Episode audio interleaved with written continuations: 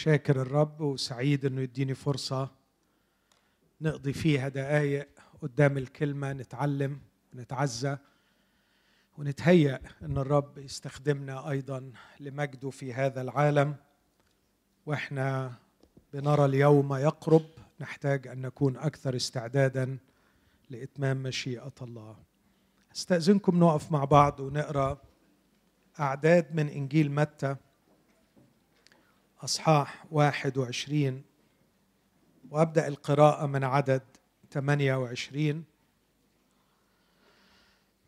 ومن خلال هذا المثل الذي قدمه الرب يسوع أطرح بعض الأفكار تحت هذا العنوان مبادئ هامة لاختبار مشيئة الله في الحياة. في عدد 28 يقول المعلم ماذا تظنون؟ كان لإنسان ابنان فجاء إلى الأول وقال يا ابني يا ابني اذهب اليوم أعمل في كرمي. فأجاب وقال ما أريد ولكنه ندم أخيرا ومضى. وجاء أي الآب وجاء إلى الثاني وقال كذلك. فأجاب وقال ها أنا ذا يا سيد ولم يمضي. فأي الاثنين عمل إرادة الآب؟ قالوا له الأول. قال لهم يسوع الحق أقول أقول لكم إن العشارين والزواني يسبقونكم إلى ملكوت الله. لأن يوحنا جاءكم في طريق الحق فلم تؤمنوا به. وأما العشارون والزواني فآمنوا به. وأنتم إذ رأيتم لم تندموا أخيرا لتؤمنوا به. هذه هي كلمة الرب. دعونا وإحنا واقفين نقدم الشكر للرب ونطلب منه أن يفتح قلوبنا لتعليمه للكلمة المقدسة. أبانا إحنا فعلا مديونين لأجل هذه الكلمة التي بين أيدينا. نقول مع عبدك داود سراج لأرجلنا ونور لسبيلنا. نخبئها بحب وبحرص في داخل قلوبنا لكي لا نخطئ إليك. أبانا أرجو أن تعلمنا فكرك تعلمنا طريقك من كلامك. واذكر عبدك الذي يحتاج إليك ربما أكثر من إخوته. إلى تعليمك وإرشادك. إلى نصحك. إلى إنذارك. إلى توبيخك. إلى تقويمك. لكي نكون متأهبين ومستعدين لكل عمل صالح. كما أرجو أبانا أن تعطينا أن نختبرها. كما هي في الحقيقة أحلى من العسل وقطر الشهاد فنتعزى ونتلذذ ونحن نقرأها ونفهمها. في اسم المسيح يا أبانا استجب لنا. آمين.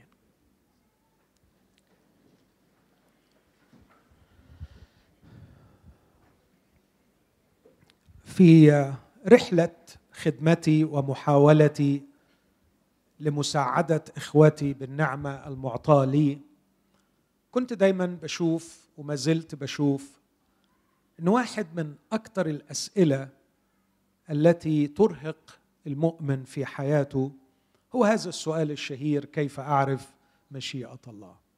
أو كيف أختبر المشيئة الإلهية؟ بغض النظر عن نوع الفعل المستعمل بيكون المؤمن آه، محتار ومش عارف إزاي يختبر مشيئة الله. وعلى قد ما قدمت من خدمات كثيرة على ما أعتقد في هذا المجال. أشعر إنه لسه إحنا محتاجين وأنا شخصيا محتاج أتعلم أكثر وأكثر. علشان كده الليلة هحاول أتكلم عن نقطتين بخصوص هذا الأمر. الأمر الأول لما بسمع من إخواتي المؤمنين كيف أعرف مشيئة الله؟ كيف أختبر مشيئة الله؟ كيف أميز مشيئة الله. لاحظت مع الأيام إنه في ثلاث مفاهيم في الكلمة دي أحاول أفك الاشتباك بينهم. وأفك الاشتباك بينهم بإعطاء مثل. افترضوا معايا إن في أب رجل أعمال عنده مصنع وهذا الأب كريم وصالح وأمين من جهة أولاده وتعب كثيرا ليوفر لأولاده حياة آه، جيدة سوية. لم يدخر جهدا لكي يسعدهم ولكي ما يعلمهم أفضل تعليم. وتعود هذا الأب أن لا يكلفهم بأي عناء فلا يعرفون أي شيء عن معاناته في شغله في صراعاته. آه، وكان يقصد أن يبعدهم عن هذه الصراعات. إلا إنه في وقت من الأوقات ابتدى الآب يظهر عليه إنه في صراع شديد في صراع عنيف يقاسي ويعاني. القصة دي مختلقة من ذهني ما تاخدوهاش جد قوي حاسسكم؟ هي مجرد مثال لما أريد أن أوصله. الابن الأكبر سأل أمه أرى أبي مهموما؟ أرى أبي آه، ليس كعادته. ماذا هناك؟ أخبريني. فشاركته. قالت له أبوك بيعاني بشدة. أبوك في مشكلة كبيرة. وكل يوم بيروح شغله في صراع كبير. الولد بسبب محبته لأبيه أبى على نفسه أن يستمر في دائرة راحته. أبى على نفسه أن يستمر يقضي يومه كالمعتاد. يصحى الصبح ويفطر ويتبسط ويعمل تليفوناته ويتشيك الفيسبوك وبعدين يروح يقابلهم وبعدين يروح يتفسح ويخرج. شعر بالعار أن يكون أباه في هذا الصراع وهو يقضي حياته كما كان يقضيها. وربما جاءه هذا الفكر أبي يعرف نوع حياتي وقد وافق عليها وطول السنين لم يوبخني أو لم ينتهرني. لكن يقول لنفسه أعتقد إنه من العار علي. ربما كانت الأيام الماضية أيام راحة لكن أبي في صراع الآن وعلي أن أقف إلى جواره. وفي الصباح الباكر مجرد ما استيقظ من النوم ذهب إلى مصنع أبيه. وفوجئ الأب بان الابن في المصنع. وكان على لسان الابن هذه الكلمات لأبيه. أنا جئت هنا لكي أكون إلى جوارك وأشترك معك في صراعك. أنا أرى أن الحياة الحقيقية التي ينبغي أن أعيشها ليس أن أكون أنا في راحتي وأنت في صراعك يا أبي. فأنا هنا لكي أكون معك. حاول الأب إقناع ابنه بأن يعود لكن الابن أصر أن يكون إلى جوار أبيه. يعاني مع أبيه يعمل مع أبيه يبكي مع أبيه يفرح مع أبيه. لا يمكن أن يفارق أباه. وهنا كان لابد من السؤال. ماذا تريد مني يا أبي أن أفعل؟ أنا موجود في المصنع. خلاص ده موضوع مش هنناقشه. لقد تركت منطقة راحتي وكل يوم سبعة صباحا هتلاقيني موجود في المصنع. اللي باقي عليك يا أبي العزيز هو أنك تختار لي شيء أعمله في هذا المصنع. ربما توفر أحد الموظفين وتعطيني هذه الوظيفة. ربما تجعلني أنوب عنك في قسم من الأقسام. أنا لا أعرف طبيعة هذا المصنع ولا أعرف طبيعة الصراعات التي أنت تقودها فالمصنع ضخم والعدد كبير وأنا لا أستطيع أن أتبين دوري في هذا المصنع. أنا لدي توجه أن أكون إلى جوارك ولدي قناعة أن الحياة التي تستحق أن تعاش هي أن أكون معك. أنا اتخذت قرارا أن أودع حياة التمركز حول ذاتي وحياة راحتي وسخافة الطفولة التي كنت أعيش. لقد نضجت يا أبي وقررت أن أكون معك في داخل مصنعك لأعمل معك. لكن ما لا أستطيع أن أعرفه اطلاقا هو ما هو دوري. ما هو العمل الذي يمكن أن أعمله؟ أنت تقسم العمل ويقينا تستطيع أن تجد لي شيئا أفعله. هذا الولد يريد أن يعرف إرادة أبيه. يريد أن يعرف إرادة أبيه. أعتقد دي نقطة جوهرية قوي عايزكم تتذكروها.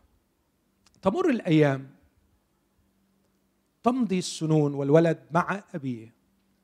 لكن بين الحين والآخر وبعد أن أتقن العمل وعرف دوره يشعر بمواقف كثيرة يحتاج أن يعرف فيها رأي أبيه في هذا الأمر أو ذاك الأمر. يحتاج أن يعرف رأي الآب. يحتاج أن يعرف رأي الآب وهو يعمل مع الآب. دي قضية تاني أرجو إن إحنا نحطها في ذهننا. لكن من الممكن إني أدي نفس المثل مع الابن الثاني لهذا الأب. الابن الثاني قرر أن يستمر في حياة الرفاهية والدلال التي يعيشها. لكن الحقيقة هو بيثق في أبوه وبيثق في حكمة أبوه.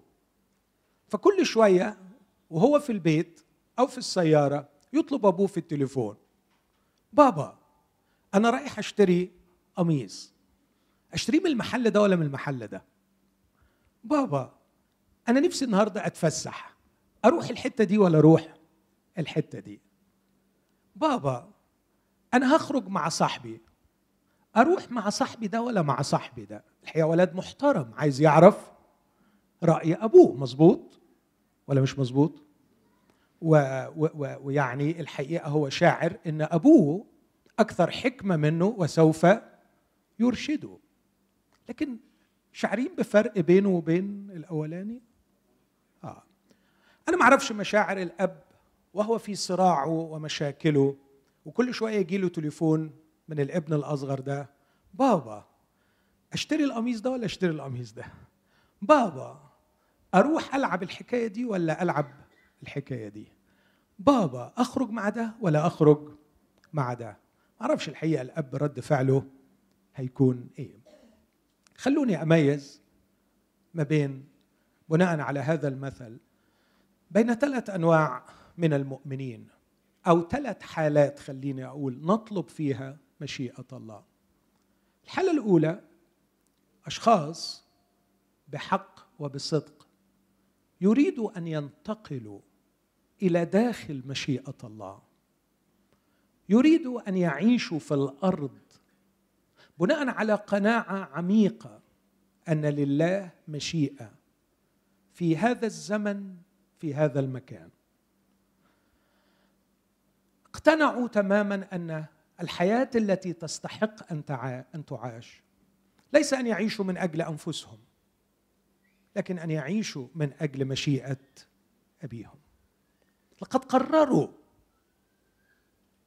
أن يودعوا مناطق راحتهم وأحلامهم الشخصية وطموحاتهم الشخصية وقرروا أنه لن يكون أمامهم غاية في الحياة إلا أن يكونوا إلى جوار أبيهم. يعملوا معه يعرفوا غرضه ويجتهدوا لكي يتمموه. والحقيقة وهم في داخل هذه المنطقة الرائعة تقريبا كل يوم تواجههم مصاعب داخل هذه المشيئة داخل هذه المشيئة. لقد انتقلوا إلى داخل المشيئة لكن في داخل المشيئة تواجههم كل يوم أسئلة صعبة ومواقف تحتاج إلى خبرة في الفصل فيلجأوا إلى الآب ليعرفوا رأيه في داخل هذه المشيئة في هذا الموقف أو في ذاك. لكن هناك بعض المؤمنين لم يزالوا يعيشون حياتهم الخاصة. من أجل أحلامهم الخاصة. ما بقولش إنها أحلام وحشة اطلاقا بس بقول أحلامهم الخاصة. يعيشون من أجل رؤيتهم وطموحاتهم اللي ممكن تكون أشياء جيدة. لا أشكك في النوايا لكنه يعيش من أجل قضيته. فهو القضية وليست مشيئة الله. هو الغاية التي يعاش من أجلها. وهم يعيشون من أجل أنفسهم. تواجههم المشاكل يوما بعد الآخر فيلجؤون لله. طب أحل دي إزاي؟ طب أواجه دي إزاي؟ وفي الحقيقة بتخيل إن ربنا بيحط السماعة. وممكن أتخيل إن الأب الأول اللي حكيت عنه في الحكاية ان يكون موقفه مع الولد الثاني وأعتقد إنه موقف مش غلط إنه يعمل إيه؟ يحط السماعة. يحط السماعة. إنهم يعيشون من أجل قضيتهم. من أجل إرادتهم. يا ابني اذهب اليوم أعمل في كرمي. فقال ها أنا ذا ولم يذهب. إنه لم يزل. طب لم يذهب؟ إلى أين ذهب؟ ذهب لفعل إرادته. يا ابني الرب يسوع يسأل أي منهما عمل إرادة الأب. له الأول الذي ندم أخيرا ومضى. لكن الثاني لم يذهب لم يذهب ليعمل إرادة الأب. إذا هو يعمل إرادته. وهو يعمل إرادته يشعر أحيانا ببعض المصاعب والمشاكل فيلجأ إلى الأب ليعرف رأي الأب.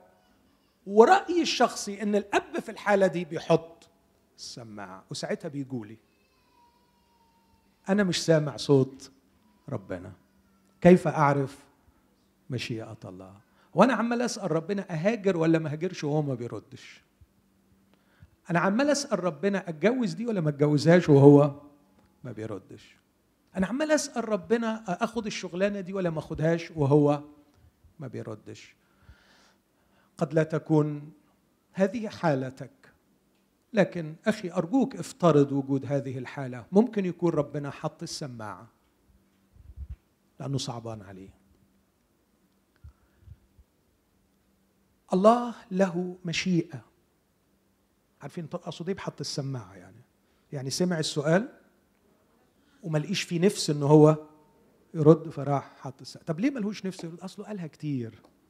يا ابني اذهب اليوم اعمل في كرمي. قالها كتير. وفي كل مرة كان يسمع كلمة ها أنا ذا. والحال على ما هو عليه. فلأنه لا جدوى من تكرار الكلام. حط السماعة حط السماعة. إخوتي الأحباء أرجوكم انتبهوا لهذا الأمر. موقفنا لن يتغير إلا إذا اقتنعنا بشيئين في غاية الأهمية. أننا نعيش في منطقة صراع رهيب. هذه الأرض تتصارع عليها مملكتان كبار للغاية. مملكة الله ومملكة إبليس. أرجوك أحبائي أن تصدقوا هذا.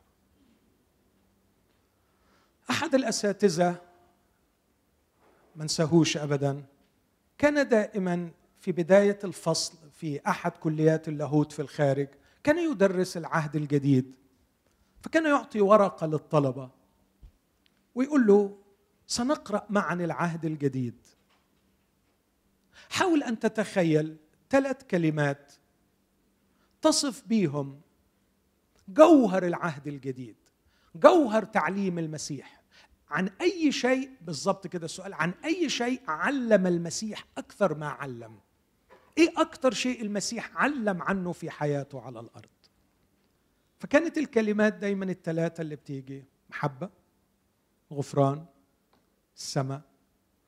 كلمات تانية مثلا عن آه إيه تاني؟ حاولوا تتخيلوا. ها؟ تبعية. إيه تاني؟ نور العالم ملح الأرض. صح. الحقيقة ولا كلمة من الكلمات دي. تستغربوا لو قلت لكم إن المسيح علم عن المحبة مرتين ثلاثة لكن المسيح كان في كل تعليم يعلم عن ملكوت الله. ملكوت الله. في مرقس واحد ومن أول الكرازة كان يسوع يكرز قائلا قد كمل الزمان واقترب ملكوت الله فتوبوا وآمنوا بالإنجيل. اقترب ليست معناها في الزمان ليس اقتراب زماني يعني خلاص جه الزمن. اقترب هنا يعني ملكوت الله بقي ات هاند يعني بقي متاح. لقد اقترب إليكم ملكوت الله أي أصبح من حق. كل من يقبل الدعوة أن يدخل لملكوت الله. هقول تاني. على الأرض الآن تتصارع قوتان في غاية القوة مملكة الله ومملكة إبليس. والسؤال ما هي مملكة الله؟ ما هو ملكوت الله؟ كلمة ملكوت الله المنطقة اللي ربنا ليه كلمة فيها. سهل التعريف ده؟ سهلة. المنطقة اللي ربنا ليه كلمة فيها. تعريف اللي بيقوله دالاس ويلرد مثلا فيلسوف لاهوتي مسيحي مجال إرادة الله النافذة. المجال اللي إرادة الله فعلا فيه مفعلة. وما هو ملكوت إبليس؟ السؤال طبعا ممكن واحد يعترض ويقول إنه إبليس ملهوش ملكوت. لا ليه ملكوت؟ فإبليس رئيس هذا العالم والرب يسوع قال عنه القوي الذي يحفظ داره متسلحا. وإبليس يتكلم عن ممالك العالم أنها أعطيت له وله سلطان عليه. لا إبليس له ملكوته في هذا العالم. أنقذنا من سلطان الظلمة ونقلنا إلى ملكوت ابن محبته. رب يسوع وهو بيتكلم عنه لما بيقولوا عنه ببعل زبول يخرج الشياطين فاكرين في دفاع الرب قال كل مملكة منقسمة على ذاتها تخرب فلو الشيطان انقسم على ذاته كيف تثبت مملكته؟ يبقى الرب يسوع بيقول ان عنده مملكة. بنفس التعريف ما هو ملكوت الله؟ هو منطقة إرادة الله النافذة. ما هو ملكوت إبليس؟ منطقة إرادة إبليس النافذة. يقول عنهم عسى أن يعطيهم الله توبة فيستفيقوا من فخ إبليس إذ قد اقتنصهم لارادته عندي خبر مش لطيف. إذا لم تكن فاعلا إرادة الله إياك أن تتصور أنك تفعل إرادتك فقط. إذا لم تكن فاعلا لإرادة الله أنت تفعل إرادة إبليس. ممكن أدخل في محاجة؟ أقعد فيها كتير لإثبات هذا الأمر. لكن لو تدرك طبيعة العالم الروحي اللي إحنا فيه لو تدرك طبيعة الصراعات الروحية الموجودة على الأرض أعتقد إنه هيسهل عليك قبول هذا الفكر. إذا لم تكن فاعلا لإرادة الله فأنت تعمل إرادة إبليس. خلونا أقولها بلغة أخرى. بشعر باستمرار أن الله يتدخل ويعلن إرادته لأولاده. وعندما تقترن إرادتي بإرادة الله المعلنة لي من خلال كلمة حاضر من خلال الطاعة ينتج فعل على الأرض يضع حجرا في بناء ملكوت الله.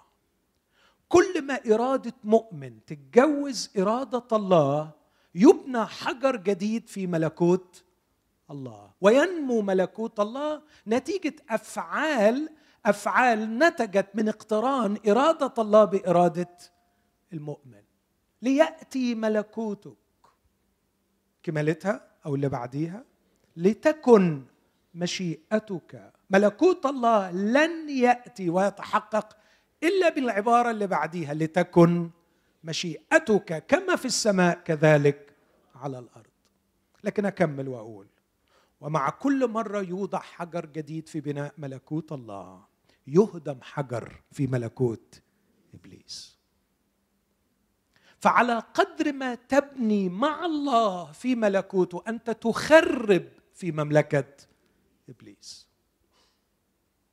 وعلى قدر ما تكون سلبي وليس عندك القرار الإرادي الإيجابي أن تبني في ملكوت الله دون أن تقصد دون أن تخطط تجد نفسك تبني مع إبليس.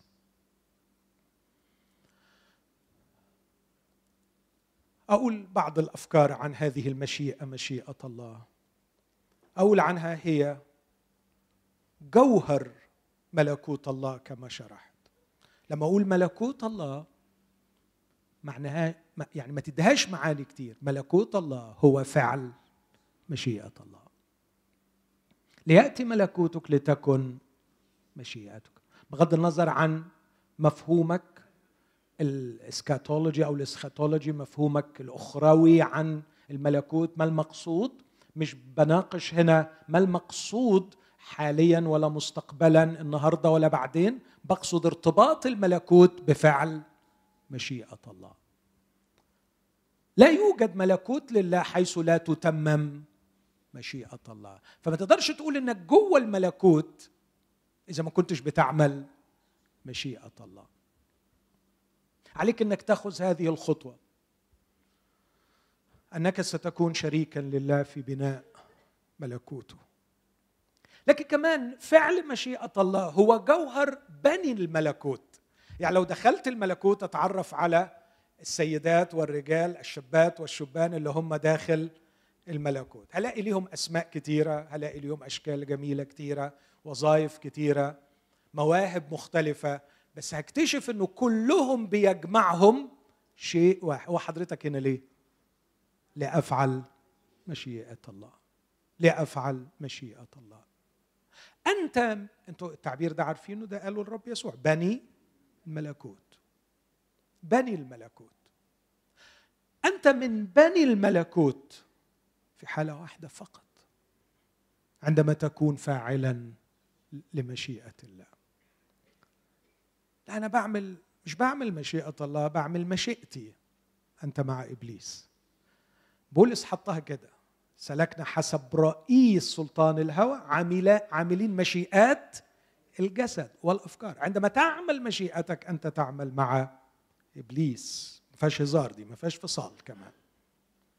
بص كده معي في إنجيل مرقس أصحاح ثلاثة كلمات أتمنى نحفظها. عن ظهر قلب.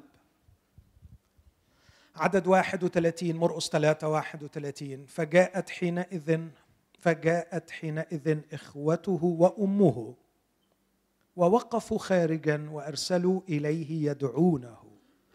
وكان الجمع جالسا حوله فقالوا له هوذا أمك وإخوتك خارجا يطلبونك. أنا دائما أقف في خشوع أمام أخلاق سيدي الملك والرب يسوع. يحلو لي دائما أن أستمتع بالتأمل في أخلاقياته. سموه رقيه روعته. وليس عندي ذرة واحدة من الشك في نقاوة وروعة أحشائه تجاه أمه بالذات ومحبته لأمه وإخوته وهو على الصليب كان مهموما ومشغولا بها. ويقول للتلميذ هو ذا أمك. كان يحبها ويجلها ويقدرها.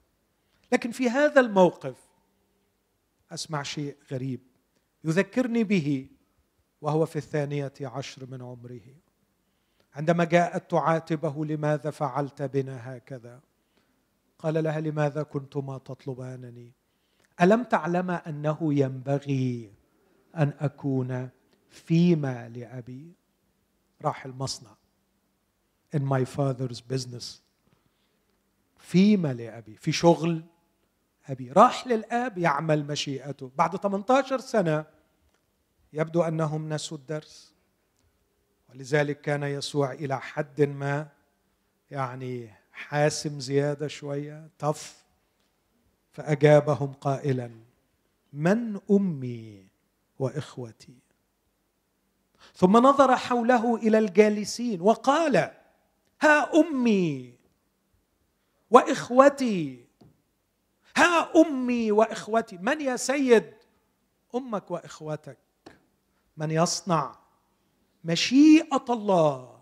هو أخي وأختي وأمي. أنا ما أعرفش إزاي الواحد يستحمل على روحه يسمي روحه مؤمن وقابل على نفسه قابل على نفسه إنه ما يكونش بيعمل مشيئة الله. مش قادر أتخيل إزاي يعني عامل روحك بتذكره بتحبه بترنم له. الحقيقة ما بتأثرش ابدا. بس الرب يسوع بيقول لأن من يصنع مشيئة أبي هو أخي وأختي وأمي. أختي أخي أحبائي ما يجعلك اخا للرب يسوع. مش خدمتك. مش خدمتك. مش موهبتك. مش صحة تعليمك. الله يطول عمرك. مش صحة تعليمك. مش شوية المعلومات اللي في راسك. أبدا أبدا أبدا. ما يجعلك أخا له هو أن تصنع مشيئة الآب.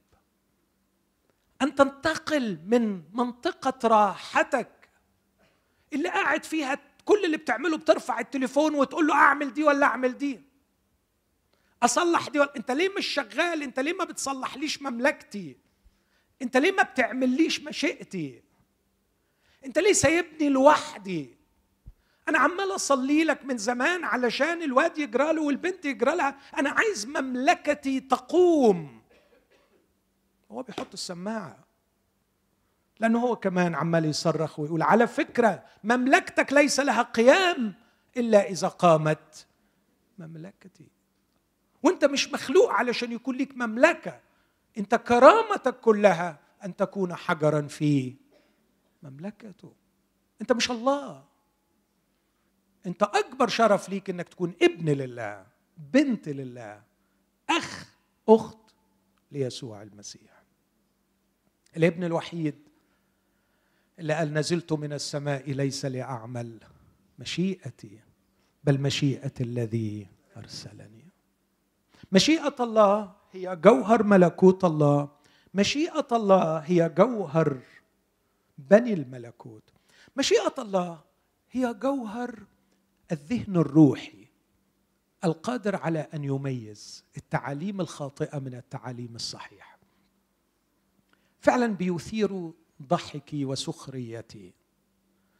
عندما أرى صراعات كثيرة حول التعاليم المختلفة والمتصارعون يتصارعون من أجل بناء ملكوتهم الشخصي. إنه شيء يصل إلى حد إلى حد الاشمئزاز.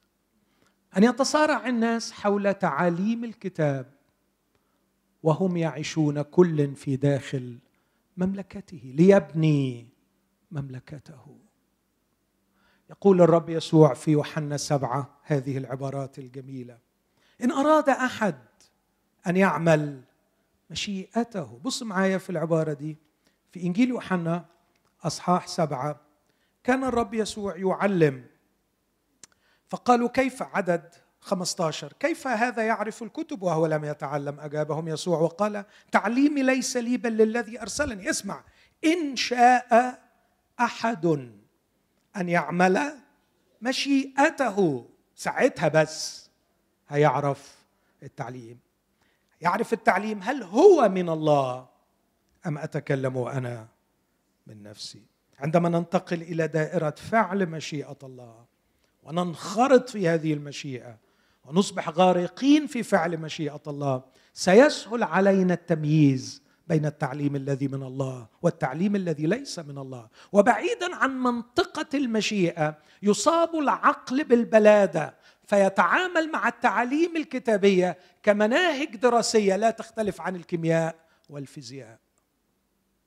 لكن التعاليم الروحية يميزها هؤلاء الغارقين في فعل مشيئة الله. عندما نعيش المشيئة ونندمج وجوديا فعلا مع إرادة الله لحياتنا نستطيع أن نميز ما هو التعليم الذي من الله وما هو التعليم الذي ليس من الله. لكن فعل مشيئة الله أيضا هو جوهر متعة الوجود. كثير من احباء الشباب بيسمعوني أستعمل كلمة الوجود وبيسألوا يعني إيه وجود؟ كلمة وجود أقصدها بالمعنى الفلسفي. كينونة من الداخل تتحقق في الخارج. أقصدها بالمعنى الروحي شخصية وإرسالية.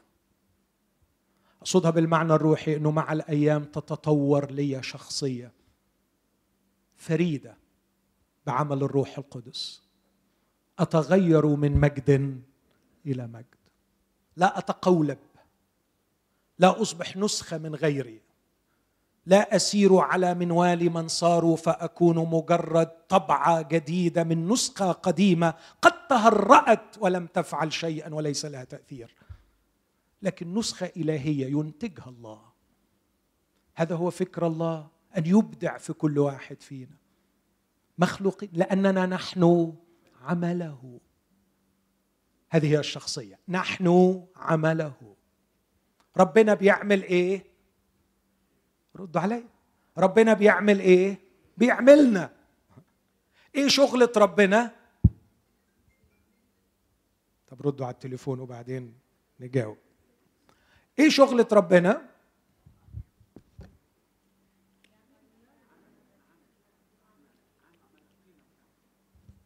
أفسس 2 عشر لأننا نحن عمله. يبقى إيه شغلة ربنا؟ نحن. إجابة سهلة. من العبارة السابقة أجب عن السؤال الآتي. لأننا نحن عمله. ما هو عمل؟ نحن. سهلة. نحن. من هم نحن؟ أنا وأنت. إذا أنا عمله.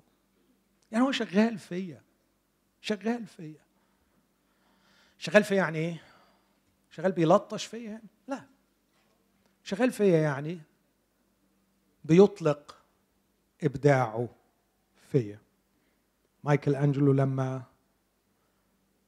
خلى حتة صخرة ملهاش أي طعم ولا معنى تمثال لداود تحفة تمضي مئات السنين والعالم من كل مكان يذهب لكي يرى.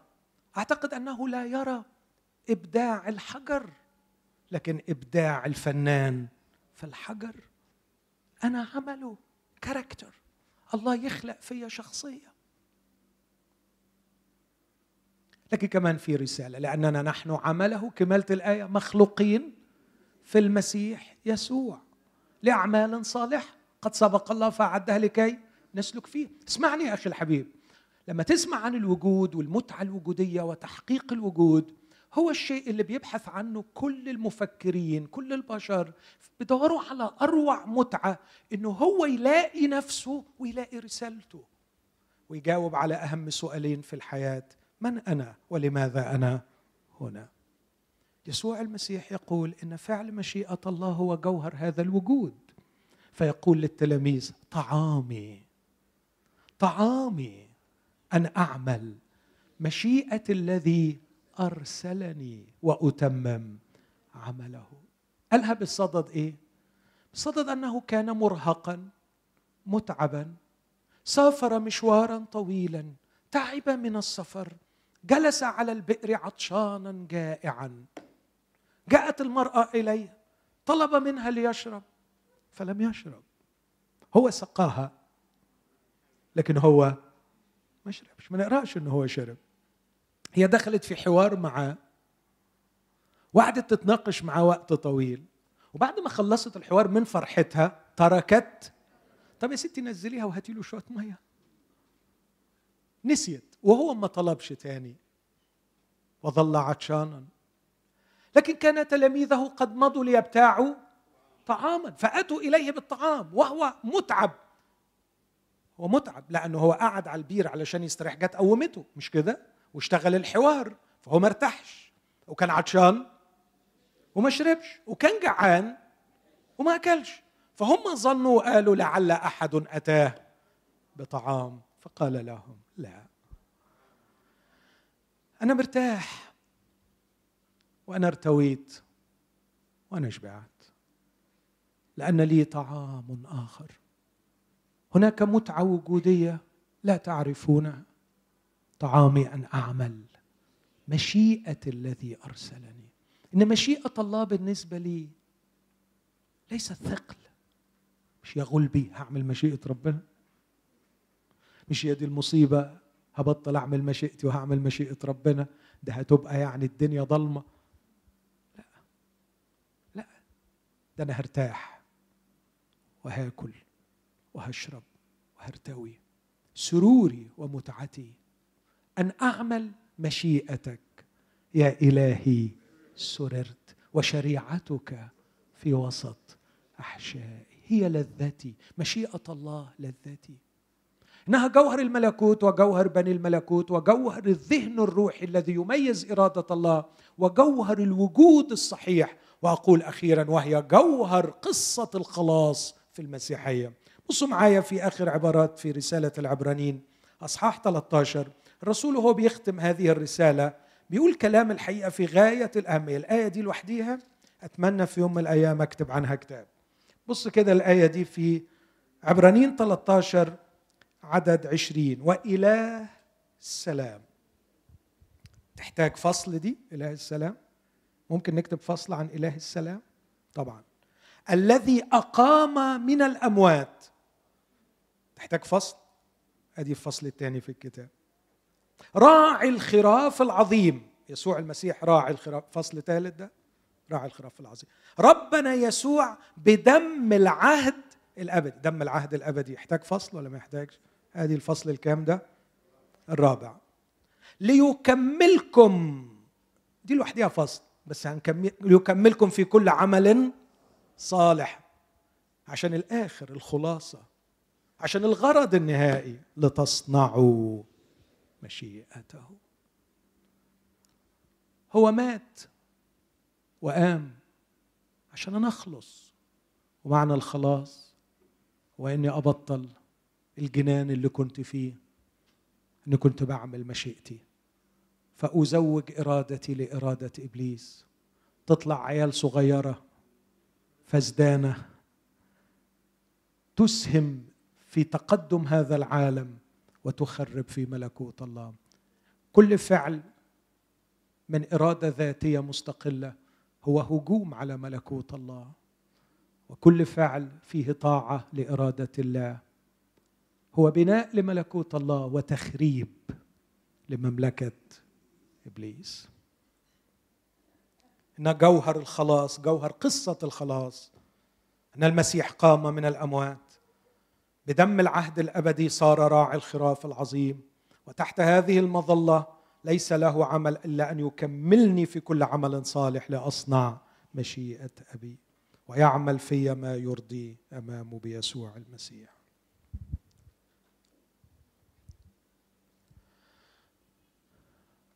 القرار الأول والأهم. ما أعرفش خدته ولا ما خدتوش. ما أعرفش نورت الدنيا قدامك وعملت ولا ما عملتوش.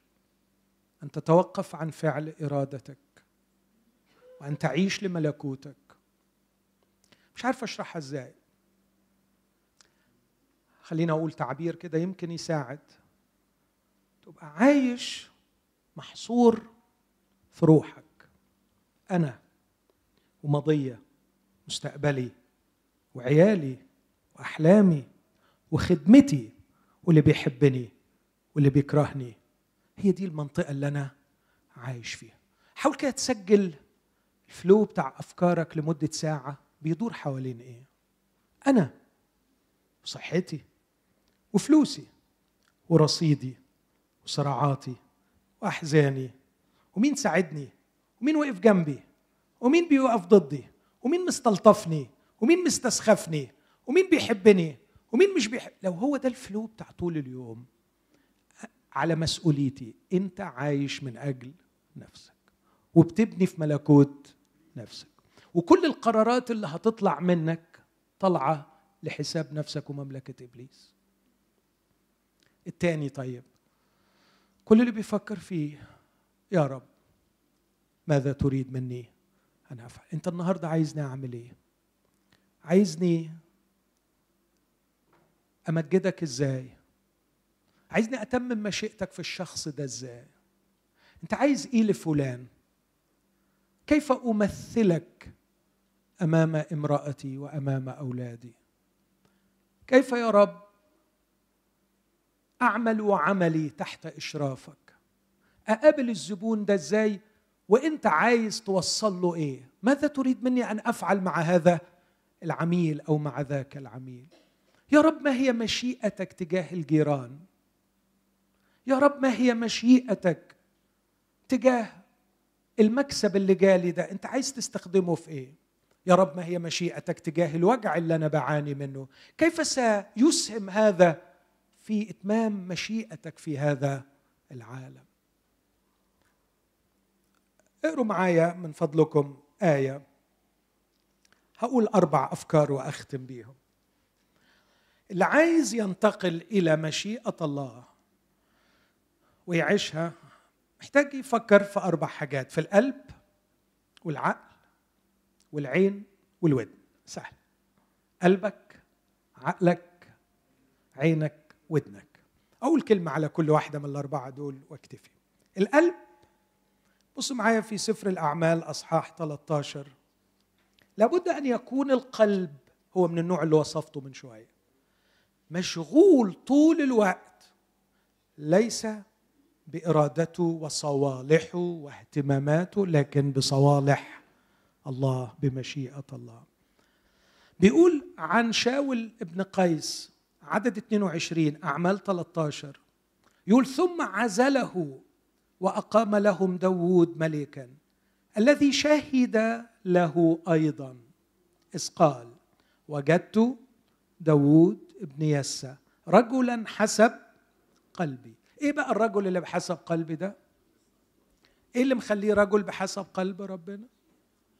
ليه قلب داوود بحسب قلب ربنا؟ لأنه نوى وقرر وعزم أنه سيصنع كل مشيئتي. يعني أصنع كل مشيئتي.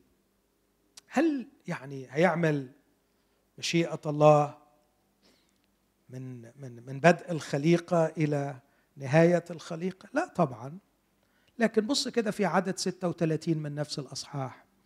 لأن داود بعدما خدم جيله بمشورة الله رقد وانضم إلى أبائه.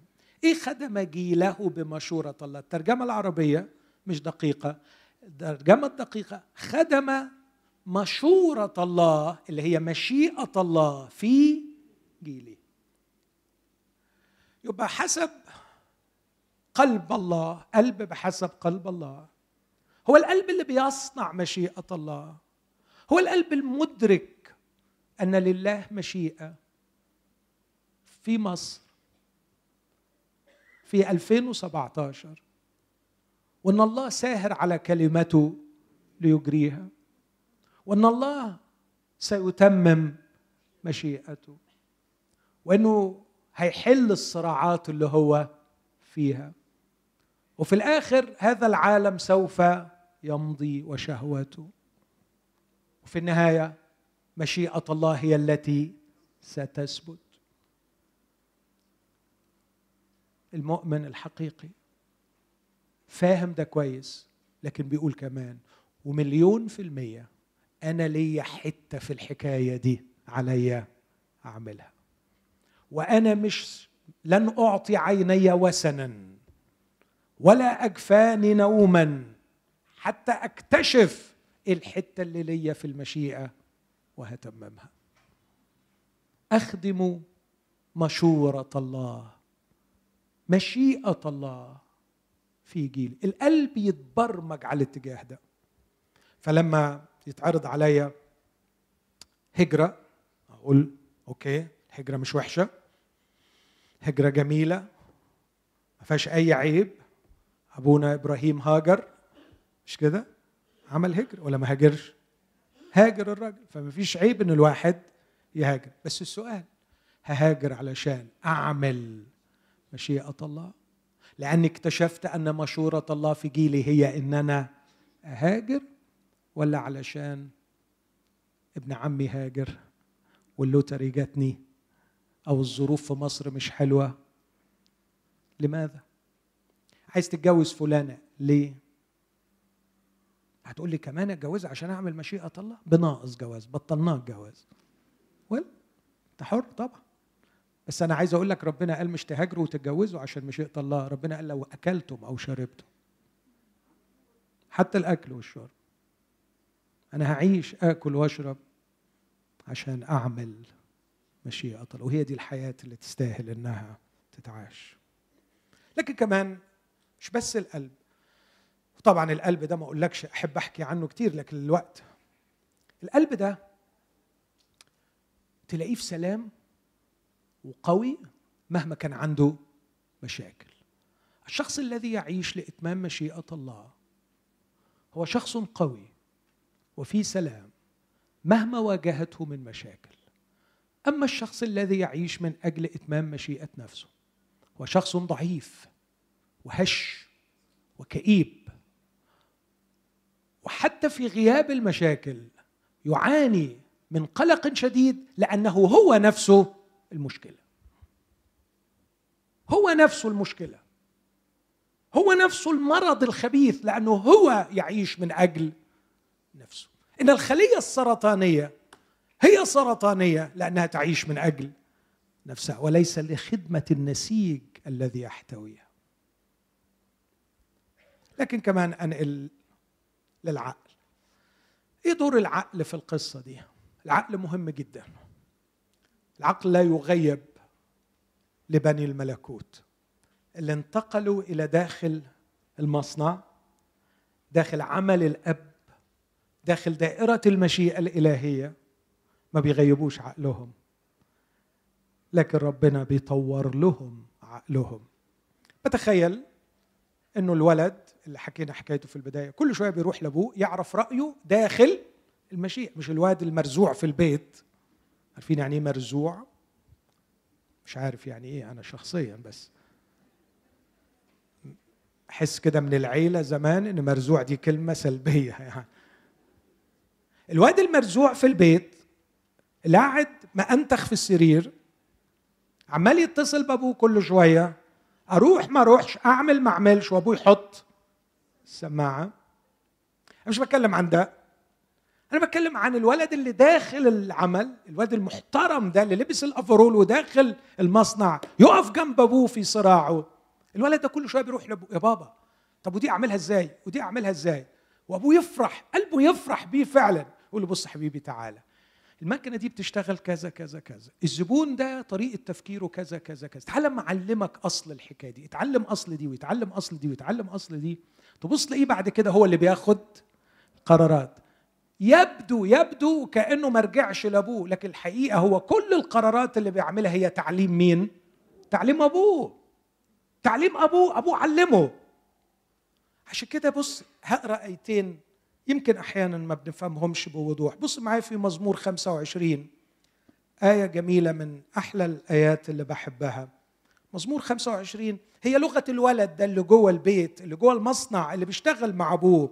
يبدو أنه عمل شوية أخطاء فبيراجع نفسه فبيكلم أبوه وبيقول له هذه الكلمات.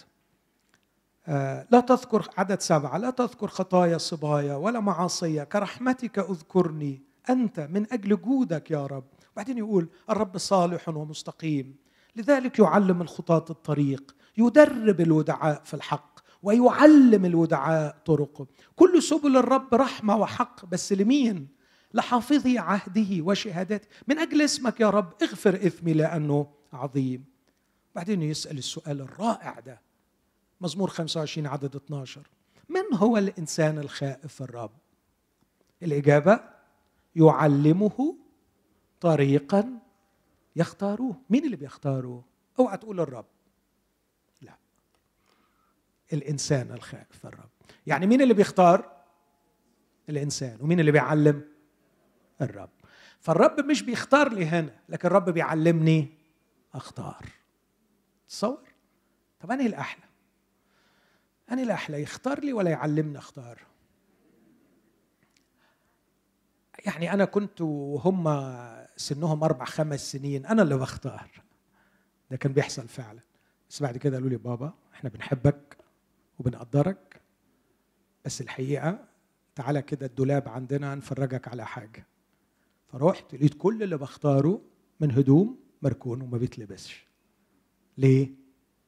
لأنه أنا اللي اخترته. ما قول لنا قول لنا أنت إيه المبادئ وسيبنا إحنا نختار.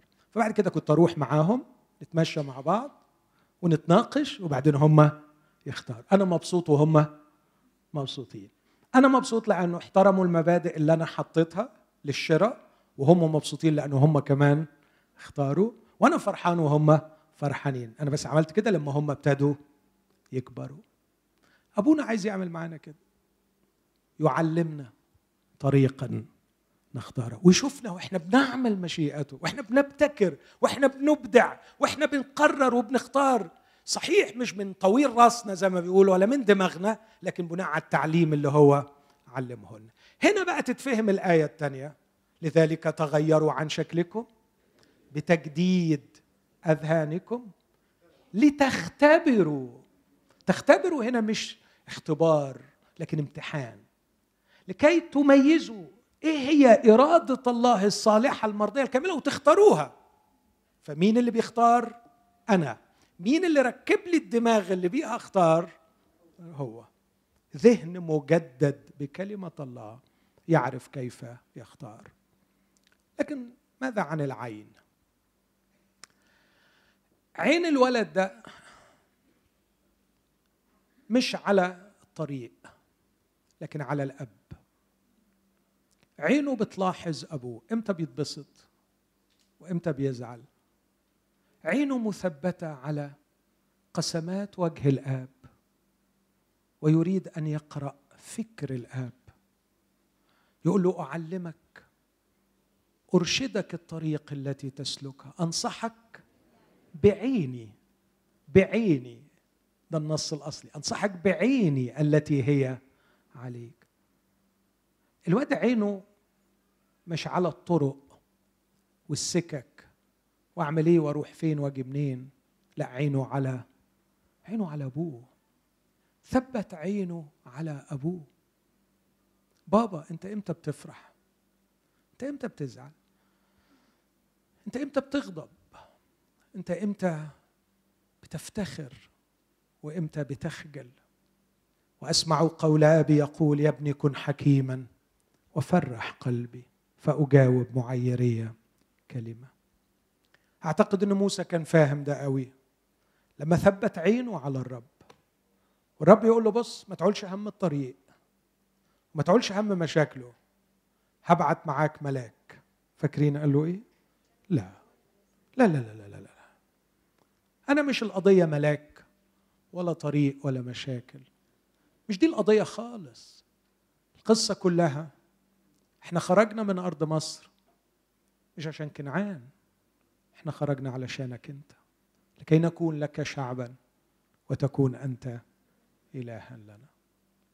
بص يا رب لو وديتنا كنعان وأنت مش معانا هنبقى في حتة أحسن بس هنبقى زي بقية شعوب. لكن إحنا نمتاز أنا وشعبك عن سائر الشعوب بمسيرك معنا. ليس الموضع الجغرافي هو الذي سيميزنا وليست خيرات الأرض ما يميزنا كشعب مسيرك معنا. إحنا عايزين نشوفك قدامنا تمشي قدامنا. وجهك لا يفارقنا. تبقى معانا. لا تبرح لا يبرح عمود النار وعمود السحاب. اللي بيكلمنا عن حضرتك عن حضورك.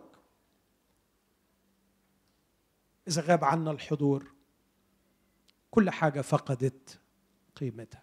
الشخص الباحث عن فعل مشيئة الله ببساطة هو شخص باحث عن حضور الله. ويقلق قوي قوي قوي حتى لو كل حاجة ماشية كويس بس هو فاقد حضور الله. منزعج جدا لأنه مش حاسس بحضور الله. عينه مثبتة على التابوت. والتابوت يتكلم عن حضور الله. يقول لهم أنتم ما تعرفوش الطريق. اجعلوا مسافة ألفي ذراع بينكم وبين التابوت عشان كلكم تبقوا شايفين. وتمشوا وراه عينه على الرب وليس على طريق. آخر حاجة الودن. الودن عايزة تسمع إيه؟ مش عايزة تسمع آه الخطة. مش عايزة تسمع الخطة. مش عايزة تسمع تمشي آه 100 متر وبعدين عايزين الرب كده GPS عارفين ال GPS عايزين يا سلام لو الرب يبقى GPS make right make left بعد 600 متر أحود يا يا لو الرب يعمل معانا كده. لا الودن اللي هي بتاعه الولد الكبير الحلو ده مش عايزة الخطة. مش عايزة رسمة الطريق. مش عايز تسمع يعمل إيه وما يعملش إيه. لكن عايز يسمع حاجة تاني. في صمويل الثاني خمسة علشان خاطر الوقت أقراها وأختم بيها. صمويل الثاني خمسة داوود الحلو ده اللي بحسب قلب الرب. تعلم اتلسع لسعة كبيرة قوي وت... مش اتلسع الحقيقة صقلغ مش اتلسعت صقلغ ولعت كلها. فتأدب وحرم. وبقي حساس قوي إنه يعمل حاجة من دماغه. ففي صمويل الثاني خمسة أول ما ابتدى يملك بعد موت شاول ابتدى يحارب. فيقول الكتاب عنه هذه الكلمات في عدد 17 صمويل الثاني خمسة. يقول سمع الفلسطينيون أنهم قد مسحوا داود ملكا على إسرائيل فصعد جميع الفلسطينيين ليفتشوا على داود عدد 18 جاء الفلسطينيين وانتشروا. عدد 19 سأل داود من الرب أصعد إلى الفلسطينيين؟ أتدفعهم إلى يدي؟ قال الرب اصعد دفعا أدفع الفلسطينيين ليدك. والرب اداله انتصار عظيم. عدد 22 ثم عاد الفلسطينيين فصعدوا أيضا وانتشروا في وادي الرفائيل نفس المكان. داود ما بيقولش خلاص ما أنا سألت المرة الأولانية يبقى خلصت. لا راح وعمل إيه؟ سأل تاني فسأل داود من الرب فقال الرب بص المفاجأة لا تصل لا ما تطلعش. بل دور من ورائهم وهلم عليهم مقابل أشجار البكا واصعد لا تقف هناك وعندما تسمع صوت خطوات في رؤوس أشجار البكا حينئذ احترس. مش اصعد احترس ليه؟ لأنه إذ ذاك يخرج الرب أمامك لضرب محلة الفلسطين. أنت المرة دي مش هتصعد خالص.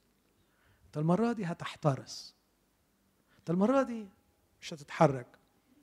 أنت بس كل اللي مطلوب منك إنك تسمع صوت خطوات في أشجار البكا وأجمل شيء إن الخطوات دي خطوات مين؟ خطوات الرب. أنا بتعلم منها درس عظيم جدا. هو الرب ليه رجلين وبيمشي؟ لا. والرب لو ليه رجلين ويمشي بيمشي على الشجر وصوته في الشجر يعني؟ لا. لا طبعا. لكن دي وراها درس روحي. إيه الدرس الروحي؟ الشخص اللي هيختبر مشيئة الرب. مع التدريب بيعرف يميز إن في حاجات بتحصل في حياته يقدر يسميها بقلب واثق دي خطوات مين؟ خطوات الرب. الحاجة اللي حصلت دي دي خطوة من عند الرب خطوة من خطوات الرب. خليني أعرف وأقول هي أعمال فائقة للطبيعة. والمقصود بفائقة للطبيعة لا يمكن تفسيرها بالظروف الطبيعية. بعض الأعمال التي لا يمكن نسبتها إلى الصدفة أو إلى ما يسمونه الحظ. لكن تحس فيها المعاملات الإلهية. تحس فيها أعمال العناية الإلهية. صوت خطوات. لقد طرحت قضيتي قدامه وانتظرت. وانتظرت أن أسمع صوته. فبدأت أرى الأحداث تتحرك حولي. بصوت خطوات يظهر أعمال العناية الفائقة للطبيعة. هذه الخطوات تشير إلى ذاك الطريق أو هذا. وأرى الرب يفتح الطريق أمامي ويضرب الأعداء ويحقق الانتصار. يبقى العين مثبتة على عينه والودن مستنية صوت خطواته. العين مثبتة على عينه عايز حضوره. عايز حضوره. لا تحجب وجهك عني. عايز حضوره. والودن مستنية صوت خطواته. فين اعماله الفائقة للطبيعة وهي بتحرك الأمور؟ والقلب؟ القلب مش عايز غير مشيئته. والعقل عمال يتجدد عشان يميز ويختار إرادته. بهذه الطريقة أحبائي سأعيش في قلب مشيئة الله. من جهة جواز وشغل وهجرة وإقامة وفلوس ومشاكل كل حاجة هكون عايش في قلب مشيئة الله. أما لإخوتي اللي السماعة محطوطة في وشهم مدة طويلة فإني يعني أقدم بمحبة هذه النصيحة. اسمع قول الآب. يا ابني اذهب اليوم واعمل في كرمي. يا ابني كفاك أن تستدعيني لأعمل في كرمك. قم يا ابني. قم واخرج وتعالى اعمل في كرمي. أنت لست هنا في الحياة لكي تبني كرما خاصا بك لكنك هنا لكي تبني كرمي. واعلم يا ابني أنك إذا لم تعمل في كرمي للأسف الشديد ستعمل مع إبليس لبنيان هذا العالم. بس عندي خبر حقيقي ليك. اسمع الآية دي في يوحنا الأولى أصحاح اثنين. لا تحب العالم ولا الأشياء التي في العالم.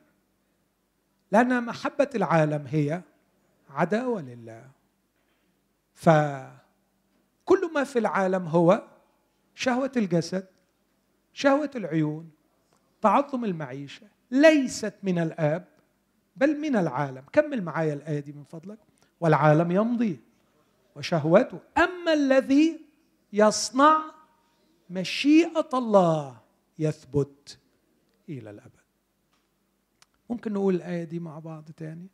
العالم يمضي وشهوته. أما الذي يصنع مشيئة الله يثبت إلى الأبد. ناويه تجيبيها يا مريم. كمان كمان أي أيوه هنا أهو بس. لا هاتي عدد 16 لأن كل ما في العالم شهوة الجسد وشهوة العيون اقروا معايا وتعظم المعيشة. ليس من الآب بل من العالم والعالم يمضي وشهوته. أما الذي يصنع مشيئة الله فيثبت إلى الأبد. العالم سوف ينهار قريبا. collapse فاكرين برجين التجارة بتوع أمريكا؟ فاكرين المنظر وهم بينزلوا؟